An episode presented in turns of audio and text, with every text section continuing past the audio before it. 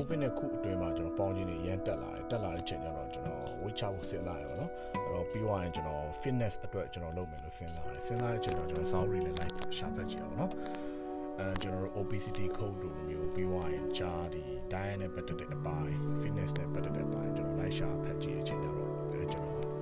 ဒီ low carb diet ဆိုရင် various လုပ်ထားတဲ့အရာတစ်ခုတွေ့ရင်ကျွန်တော်အဲ့ဒါစားကြည့်တယ်ဒါပေမဲ့ကျွန်တော်နိုင်ငံမှာကအဲ့ဒါလုပ်ဖို့တော်တော်လေးခက်တယ် အဲသူကတော့ avoid anything that's white ပေါ့နော်ဖြူတဲ့ဟာတွေအကုန်လုံးရှောင်ပါဥပမာဆို carbohydrate တွေရှောင်လိုက်တာပေါ့အဲ့တော့ပြောမယ်ဆိုအဲ့ journey ကိုအောင်မြင်ခဲ့ဘူးပြီးသွားရင်ကျွန်တော် intermittent fasting ကျွန်တော်လုပ်တယ်တရက်ကို16နာရီအစားမစားပဲနေနေအဲ့တော့ဂျန်နဲ့အဲဂျန်နဲ့ဟောပါဘောနော်ဒီအချိန်အတွင်းမှာပဲကျွန်တော်စားတယ်အဲ့တော့8နာရီအတွင်းမှာပဲစားတယ်တခါလေကြောက်လို့ရှိရင်ကျွန်တော်6နာရီအတွင်းမှာပဲစားပြီးတော့မှကျွန်တော်14နာရီကျွန်တော်လုပ်တာမျိုးလည်းရှိတယ် 14နာရီ fasting လုပ်တာမျိုးလည်းရှိတယ်ပေါ့နော်ဒါပေမဲ့အဲ့ဒါလည်းပြောတော့မအောင်မြင်ပြအောင်အဲ့တော့နောက်ပိုင်းကျတော့ကျွန်တော်ပတ်တက်တွေ့လေဆိုရင်ဒီ keto diet ဆိုရလေးနည်းနည်း hot နေတဲ့အားတခုတက်တွေ့ရအဲ့ဒါနဲ့ကျွန်တော်ရှာဖက်ကြည့်တယ်ရှာဖက်ကြည့်ရဲ့အချိန်ကြောင့်ပတ်တက်တွေ့လေလူတွေရဲ့ metabolism လုပ်တဲ့ပုံစံတော့ hiking လုပ်ထားတဲ့ပုံစံပေါ့ပုံမှန်ဆိုရင်ကျွန်တော်တို့ကဒီဇီဝကမ္မဖြစ်စီ metabolism ဖြစ်တဲ့ချိန်ကျရင်ကျွန်တော်တို့ကဒီ carbohydrate ပေါ့နော်ဒီထမင်းတို့ဘာလို့စားလို့ရှင်ပါတယ်ဒီ starch တွေဒီ carbohydrate တွေကိုက energy အဖြစ်ပြောင်းတယ်ဒီဒီ glucose အနေနဲ့အသုံးပြုတယ်ပေါ့ဒါပေမဲ့ဒီ keto diet ရဲ့ဒီ concept ကကြောင့်တော့ဘာဖြစ်လဲဆိုရင်အဲ့ဒီ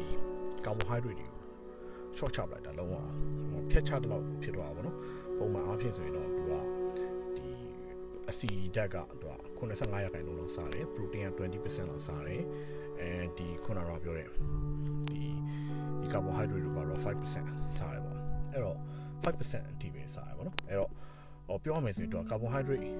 ဒီ pathway ကိုသူက short ချလိုက်တယ်အဲဒီ glucose တွေပါတွေပိုင်းကို short ချလိုက်တယ် short ချပြီးတော့မှသူက fat metabolism ဘိုင်းကိုတွားတယ်အဲ့တော့သူကဒီကျွန်တော်ရဲ့ metabolism ကပြောရမယ်ဆိုတော့ဒီ glucose တွေပါခြေဖြတ်ဆရာမရှိတဲ့အချိန်ကျတော့သူက store လုပ်ထားတဲ့ဒီ fat တွေကိုသူခြေဖြတ်တယ်ပေါ့နော် fat တွေကိုခြေဖြတ်တယ်ခြေဖြတ်တဲ့အချိန်ကျတော့ ketone ဆိုတဲ့ဒီဟိုထွက်တယ် ketone ထွက်တယ်အဲ့တော့ အစပိုင်းမှာတော့သူတန်းသေးမှာဆိုတော်တော် weak ဖြစ်တယ်အဲ့တော့ကျွန်တော် gym သွားတယ်တကယ်မလုပ်နိုင်မနဲ့ weak ဖြစ်တာမျိုးရှိတယ်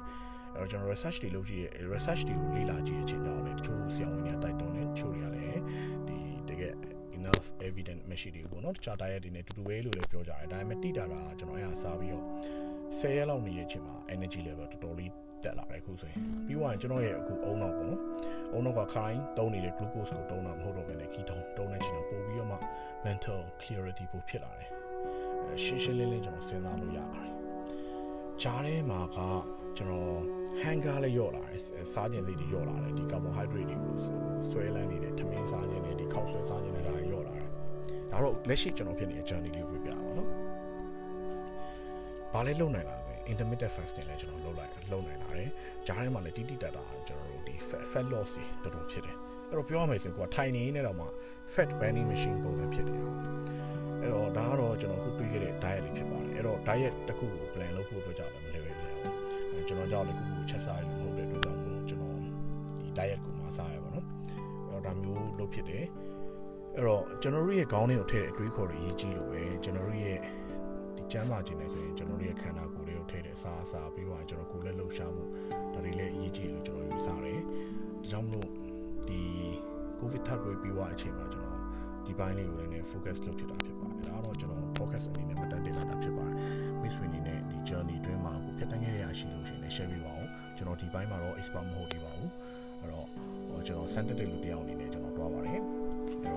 biochemistry ပြန်ဖတ်ကြည့်တယ် physiology ပြန်ဖတ်ကြည့်တယ်တော်တော်လေးစိတ်ဝင်စားစရာကောင်းတဲ့